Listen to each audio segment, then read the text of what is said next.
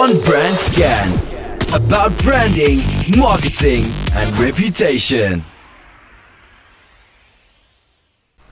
Welkom bij On Brand Scan. Ik ben Stef Heuting, jullie host voor deze podcast. We zijn vandaag in Heerlen. eh, bijzonder trots op een hele mooie CEO, mag ik eh, wel even zeggen.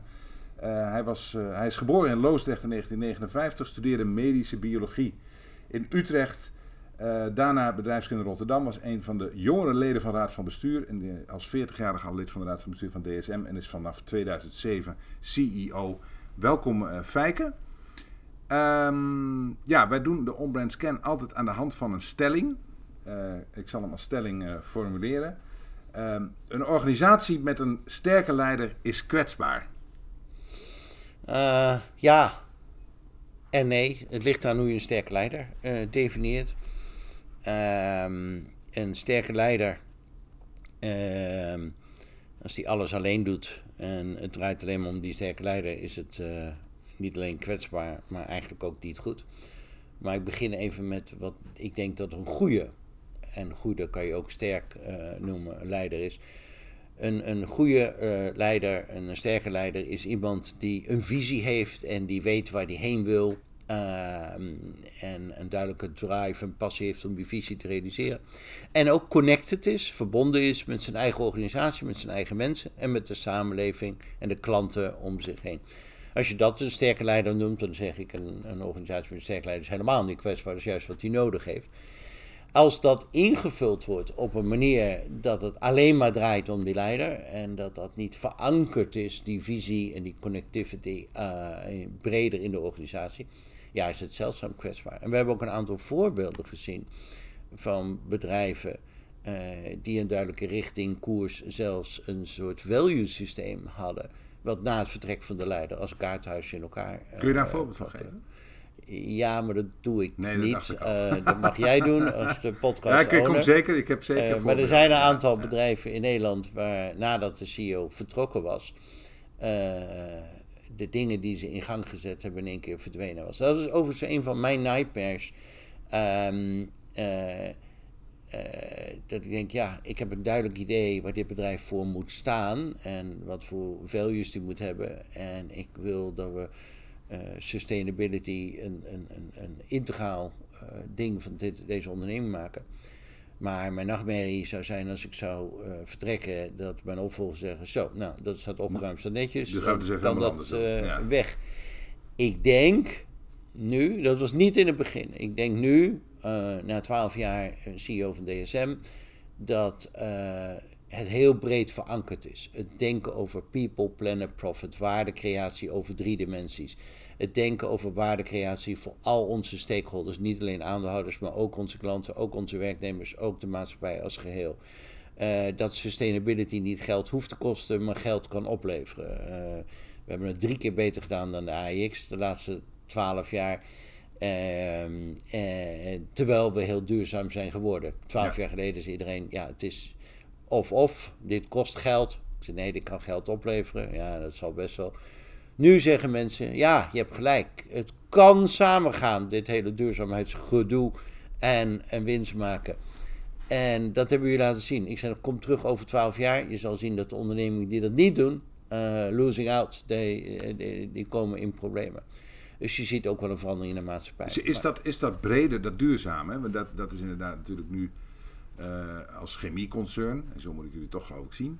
Eh, en gaat dat breder? Zie je dat in de hele keten? Als je bijvoorbeeld kijkt naar de voedselindustrie, wat natuurlijk Ja. een groot probleem is in duurzaam, is het dan alleen jullie rol, die eigenlijk nog relatief beperkt is, denk ik? Of is het een grotere rol die je dan pakt? Ja. Nee, onze, we zijn trouwens niet helemaal meer een chemieconcern. Eigenlijk niet. We zijn een science-based company.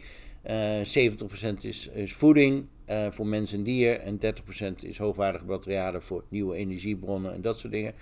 Eh, dus we noemen ons een science-based company nou op het terrein van nutrition and health en climate and energy, resources, circularity, daar, daar bewegen we ons op. En onze rol, denk ik, in de supply chain is ook zelfs niet beperkt, maar moet voorzichtig zijn. Maar, ehm, en we hebben een aanpak die, die, we hebben genoemd Improve, Enable, Advocate. Improve, we moeten ons eigen environmental footprint, hoe we aan, aan afval produceren, de lucht in, het water in, solid waste. we moeten de manier waarop we onze operaties doen verbeteren. Twee, enable. We moeten onze klanten in staat stellen om hun producten naar de uiteindelijke consument te verbeteren. In voeding om het gezonder te maken, zout eruit, vet eruit, suiker eruit. Eh, gezonde ingrediënten erin. En daar zijn onze klanten, de voedingsmiddelenproducenten, geïnteresseerd in.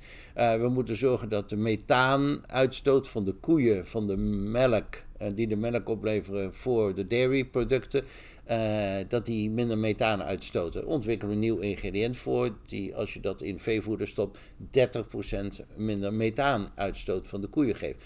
Daar zijn de zuivelproducenten geïnteresseerd in. We gaan naar de automobielbedrijven en we zeggen: haal dat staal eruit. Stop er ehm, eh, onze materialen in. Ja, maar die smelten, want we hebben 300 graden onder de motorkap. Dus wij hebben materialen die kunnen bij 300 graden makkelijk overleven. En zijn meer dan de helft lichter dan staal. En dan heb je een lichte auto die nog steeds even sterk is. En dan heb je minder brandstof en minder CO2. We gaan naar de uh, elektronica producenten voor al hun snoertjes en stekkers. En zeggen er zitten allemaal hele veel chemicaliën in. Dat moet je toch niet willen. Laat ons daar even naar kijken. Al die gekke chemicaliën eruit halen. Nieuwe materialen erin zetten.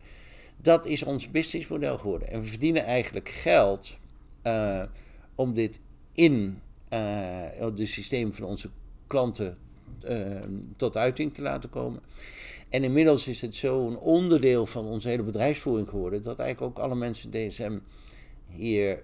Uh, dit is niet een verhaaltje van de CEO, maar dit is hun normale business. Dit is, dit is gewoon wat ze doen. Ja, ja, precies. Ja. En hebben jullie macht? Ik bedoel, uh, kan je makkelijk aan een ander? Als voedingsproducent bijvoorbeeld? Ja, natuurlijk, we hebben geen monopolies. Dus nee. uh, mensen kunnen ook de andere. Hebben we macht? Nou, bedoel, wat, is een, wat is een grote concurrent voor, voor DSM? Oh ja, uh, de, dat zijn een heleboel kleinere bedrijven in de voedingsmiddelingrediëntensfeer die je waarschijnlijk niet zal kennen. Christian Hans in Denemarken, Novozymes in Denemarken, Kerry in, in Ierland, uh, Flavor Companies, Givaudan, Firmenich. Het zijn allemaal wat kleine bedrijven die je niet zal kennen. Twee grote bedrijven we ook concurreren zijn Dupont in Amerika of BASF. Uh, maar die zitten toch iets meer aan de bulky kant en de commodity kant in plaats van de specialiteiten.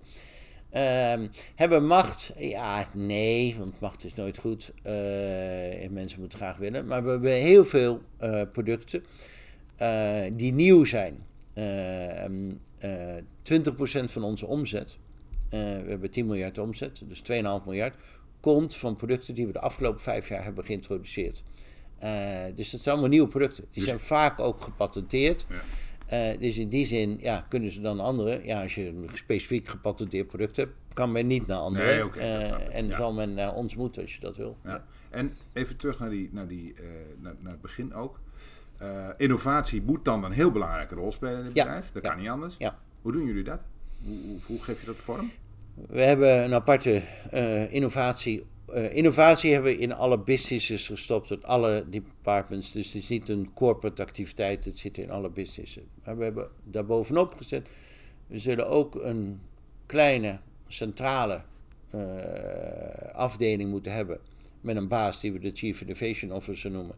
Die in de Raad van Bestuur, Executive Committee zit, aan mij rapporteert.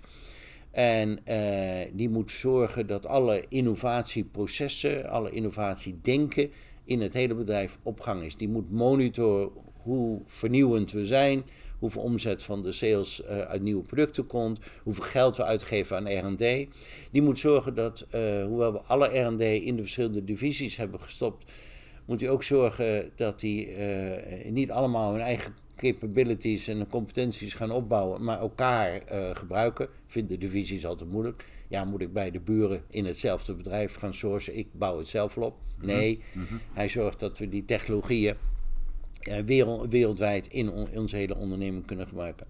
Die speelt een belangrijke rol als aanjager. Die zet ook wat nieuwe businesses op, die een beetje buiten de bestaande business, een soort kraamkamer van een aantal nieuwe ideeën. Dus er is heel veel aandacht, innovatie. We hebben allemaal uh, manieren waarop we kunnen monitoren hoeveel procent van omzet we uitgeven aan R&D, hoeveel procent van de omzet uit nieuwe producten komt, hoeveel procent van omzet uh, beschermd is door patenten, hoeveel patenten we elk jaar indienen. Dus we hebben een heleboel van die elementen waar we naar kijken om te kijken, doen we het nou echt goed op het terrein van innovatie? We hebben heel veel innovatieprijzen, intern en extern. We hebben heel veel bijeenkomsten. Dus het is iets en dat was twaalf jaar geleden niet zo, toen we meer in de bulkchemie zaten, waar wij ook maar in sommige businesses een half procent van onze omzet op innovatie besteden, nu 5 procent.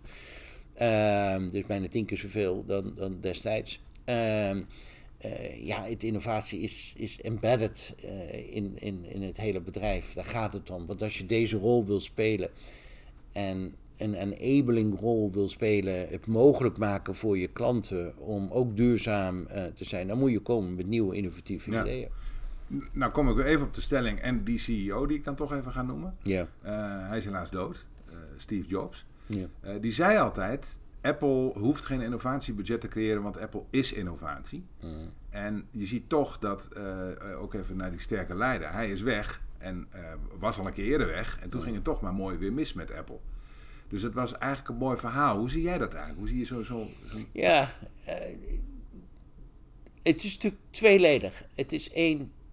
Als het hele bedrijf draait om de sterke leider, dan is het niet goed en dan doet hij ergens werk. Dat is daar denk ik een voorbeeld van. Ja, dat, dat, dat is natuurlijk niet goed. Uh, want er moet uh, ingewoven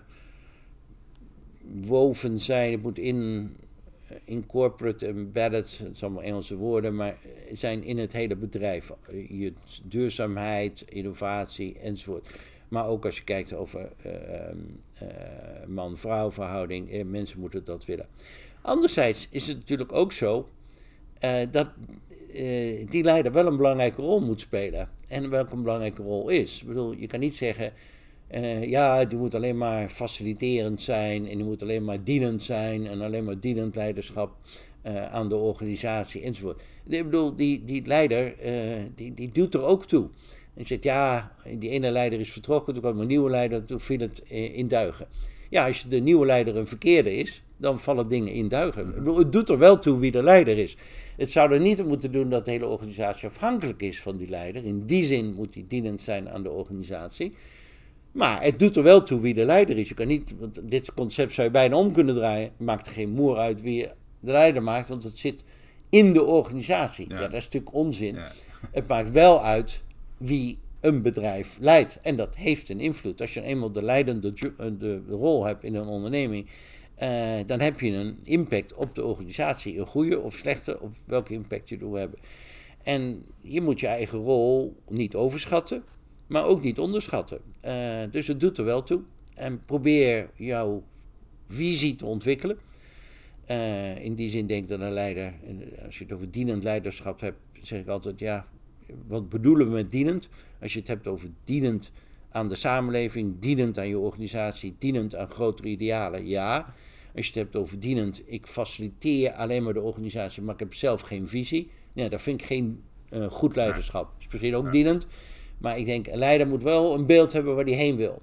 En een leider moet weten dat hij dat nooit alleen voor elkaar kan krijgen. En dus moet hij verbonden zijn met zijn eigen organisatie. Diep verbonden zijn. Als je dat niet bent, gaat het mis. Diep verbonden zijn met zijn klanten. Diep verbonden zijn met de, met de buitenwereld, de samenleving. Als je dat niet bent, gaat het mis. Ja.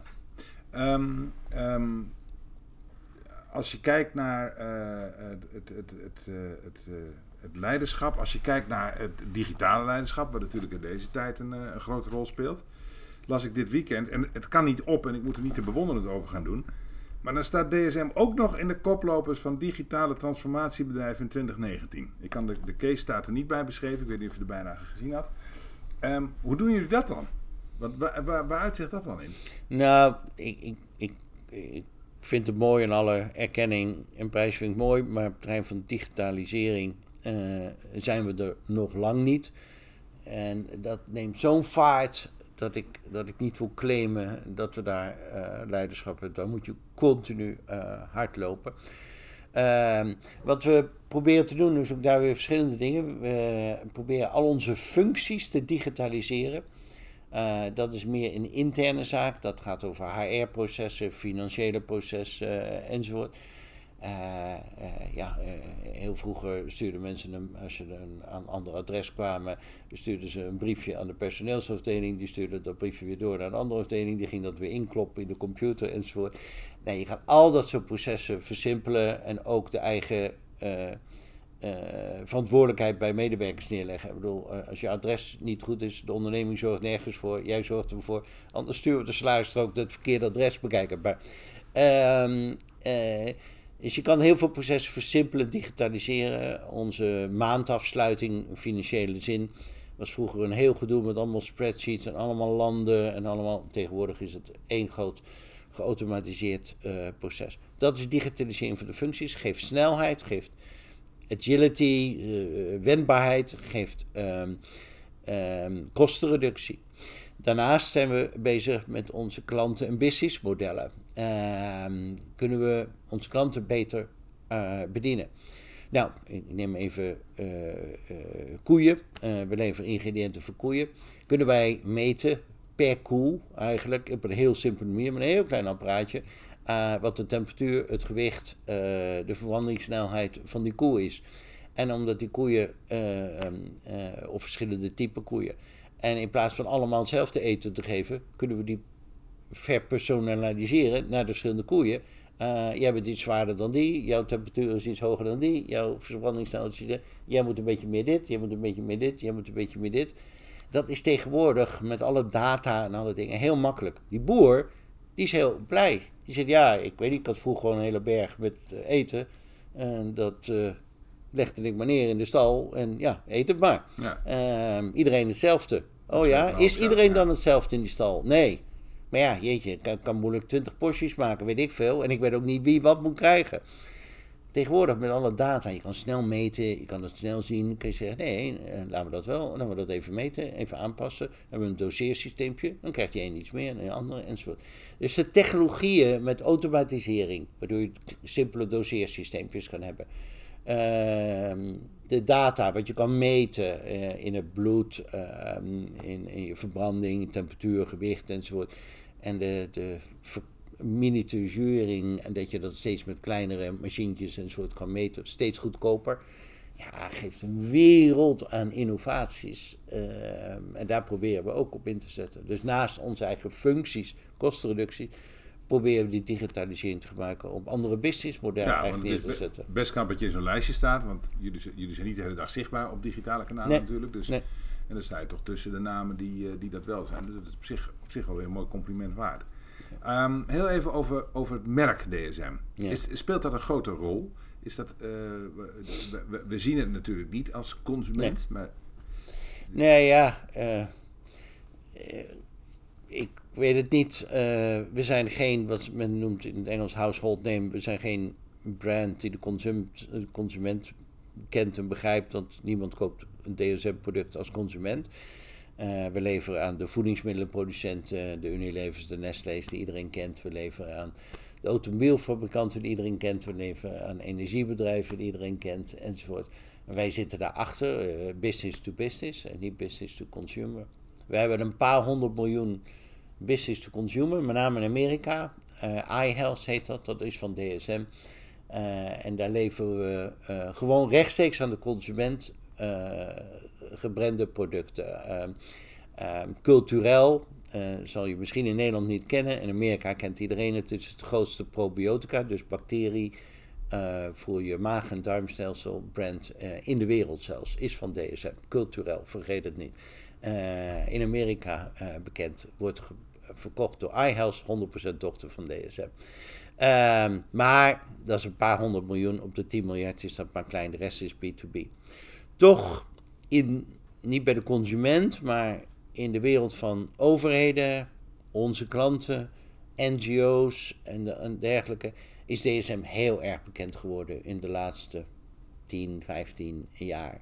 Uh, we doen op allerlei forums, spelen een belangrijke rol. Uh, ik mag namens de Wereldbank en de Verenigde Naties Eh, alles wat met CO2-beprijzing heeft te maken wereldwijd leiden. Ehm, eh, we leiden ehm, bij het World Economic Forum in Davos de groep van, van klimaatleiders, van andere CEO's van andere bedrijven. Ehm, we spelen een leidende rol in de bestrijding van honger in, in, in, in de wereld. Dus ja, als je naar de Verenigde Naties, naar de Wereldbank, naar onze klanten, naar overheden kijkt, kijk, ken je DSM? Oh ja, nee, die speelt heel belangrijk. Ja. En dan ga je in de straat hier, in Heerlen of waar dan ook, ken je DSM? Ja, in Heerlen wel hopelijk, maar... Uh, nou, ik denk overal wel. Uh, het is best een bekend B2B-merk, zeg maar. Ja, nou ja, een beetje. Um, ik denk dat we niet heel bekend zijn, een bescheidenheid, maar uh, onze bekendheid is wel toegenomen. Um, dus we meten ook onze, de value van de brand. En die, en, en die is hoog? Die was, uh, eh, 15 jaar geleden was die ongeveer nul, maar dat is een speciale berekening van de value van de brand. Die was ongeveer nul, uh, iets van 50 miljoen. Uh, waard, de brand DSM. Het bedrijf heeft 10 miljard omzet, maar de brand zelf was 50 miljoen. Maar het brand nu is bijna een miljard waard. Dus die is enorm toegenomen. Ik weet niet precies hoe ze dat Is er eigenlijk nog iets wat hier niet goed gaat? ja, we hebben elk jaar in het jaarverslag twee hele pagina's. Die noemen we What Still Went Wrong. Uh, daar zijn we ook heel transparant over in het jaarverslag. Uh, we doen een heleboel dingen goed. Uh, maar er gaan ook een aantal dingen elk jaar fout. dan hebben we toch emissies die we niet bedoelden. Dan hebben we toch kwaliteitsproblemen die we niet wouden. Dan hebben we verkeerde deals gedaan die, die, die, ons geld hebben gekost. En ja, we zijn een van de enige bedrijven die ik überhaupt ken die twee pagina's vult. Onze juristen zijn al doodzenuwachtig als we dat opschrijven. Uh, wat we allemaal niet goed gedaan hebben. Uh, voorzichtig. Ik nee, dan moeten we gewoon open in zijn. Ook, ook daar weer gewoon uh, Gewoon transparantie en, en, zeggen, ja, luister eens, we zijn niet perfect en we doen ook een aantal dingen verkeerd. Oké. Ik wil tot slot um, nog toch nog even wat van je weten. Ja. En dat is eigenlijk meer een tip voor andere leiders dan maar. Uh, heb je die? Heb je iets van, let hier nou op, let daar nou. Ik zag laatst in Buitenhof, en dat vond ik op zich wel eigenlijk heel opvallend. werd niet daarna heel veel aandacht aan besteed. Heb ik jou volgens mij horen zeggen, nou die CO2-emissie, dat is prima, leg er maar belasting op, belast het maar. Ja. En je hoort aan de andere kant de hele dag dat dat niet kan, want dan gaan alle bedrijven weg. Nou, dat is dus blijkbaar helemaal niet zo. En dat, dat die twijfel heb ik overigens wel vaker, maar dat het in het bedrijfsleven toch net wat anders is dan dat de politiek denkt. Maar goed, mhm. even los daarvan. Heb jij dingen die je mee kunt geven? Iets wat je mee kunt geven aan de andere ja. Ja, even over die CO2-prijzing. Overigens, in september kom ik met een rapport op de grote Verenigde Naties uh, Climate Summit. Over hoe sterk uh, CO2-beprijzing nou competitiviteit beïnvloedt. En het risico dat bedrijven weggaan uit landen.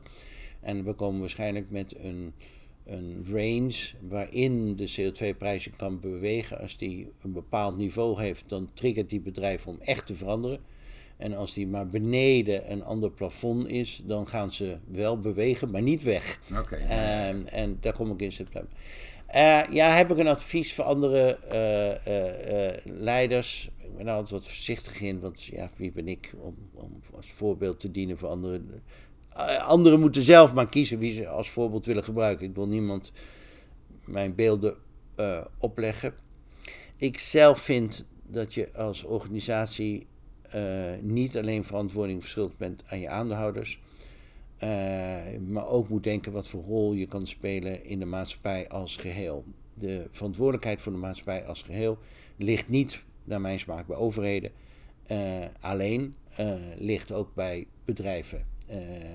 Ons economisch systeem is, is ingeburgerd in bedrijven en bedrijfsmatige activiteit. We hebben overheden om dat een beetje in in de pas te houden. Maar de kern zit gewoon in, in, in, bedrijven die producten maken die mensen willen hebben en die ruilen en verkopen enzovoort. Dus bedrijven hebben een duidelijke verantwoordelijkheid. Soms in een interview daarna uh, in een nieuwe poort, waar Ruben van Swieten zei wel tegen mij: Ja, je hebt makkelijk praten, want je hebt allemaal van die mooie innovaties en mooie producten die uh, uh, de maatschappij kunnen dienen. Ik zeg ja, dat is trouwens niet toevallig dat we die hebben, die hebben we zelf ontwikkeld, kunnen andere bedrijven ook doen. Ik zeg ja, maar bij jou is dat wel heel mooi. Ik zeg ja, maar bij sommige andere bedrijven en misschien helemaal geen toegevoegde waarde aan de maatschappij. Ik zeg I beg your pardon. Dus ja, er zijn er toch bedrijven die geen enkele toegevoegde waarde aan de maatschappij leveren. Dat is een mooi statement. En daar moeten we eens over denken. Als je dat als CEO denkt, moet je afvragen hoe duurzaam je businessmodel is. Als je geen bijdrage levert aan deze maatschappij, wat doe je dan hier? Dus ik vind het eerste waar je over moet nadenken is... ehm, wat voor bijdrage lever ik aan, aan, aan de maatschappij? En wat voor visie heb ik om met mijn bedrijf eh, eh, een rol te spelen? Ja, het andere wat ik zelf doe, ik noemde dat in het begin ook, is eh, reis veel, praat veel, luister veel, observeer eh, bij klanten, bij overheden, in congressen, weet ik veel. Observeer wat er in de wereld gebeurt. Het valt me op dat lang niet iedereen wil observeren wat er in de wereld gebeurt. Of ook als CEO soms eh, afhankelijk is alleen van de paar mensen die aan jou rapporteren, die het jou vertellen.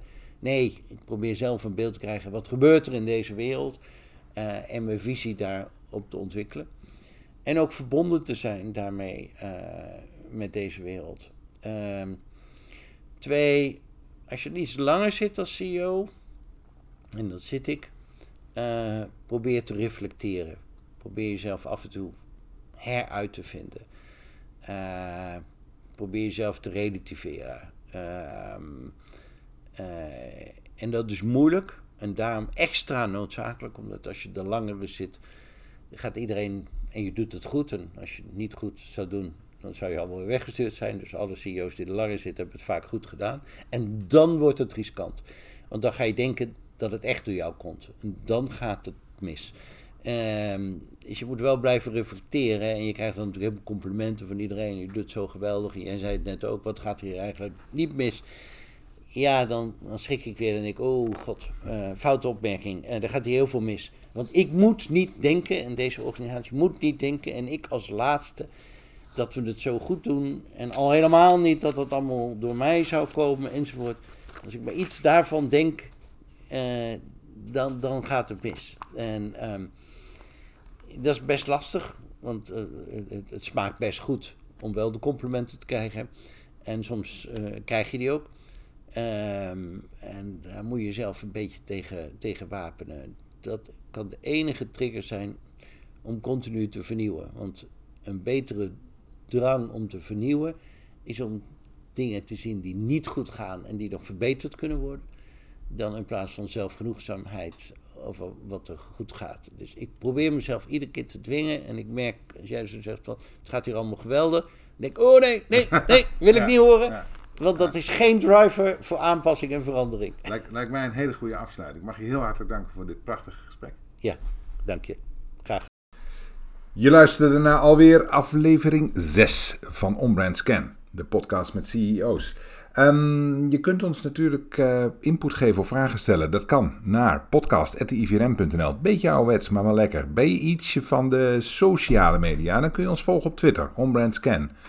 Ehm, ja, daar doen we ook aankondigingen, eh, volgende gasten, dat soort zaken.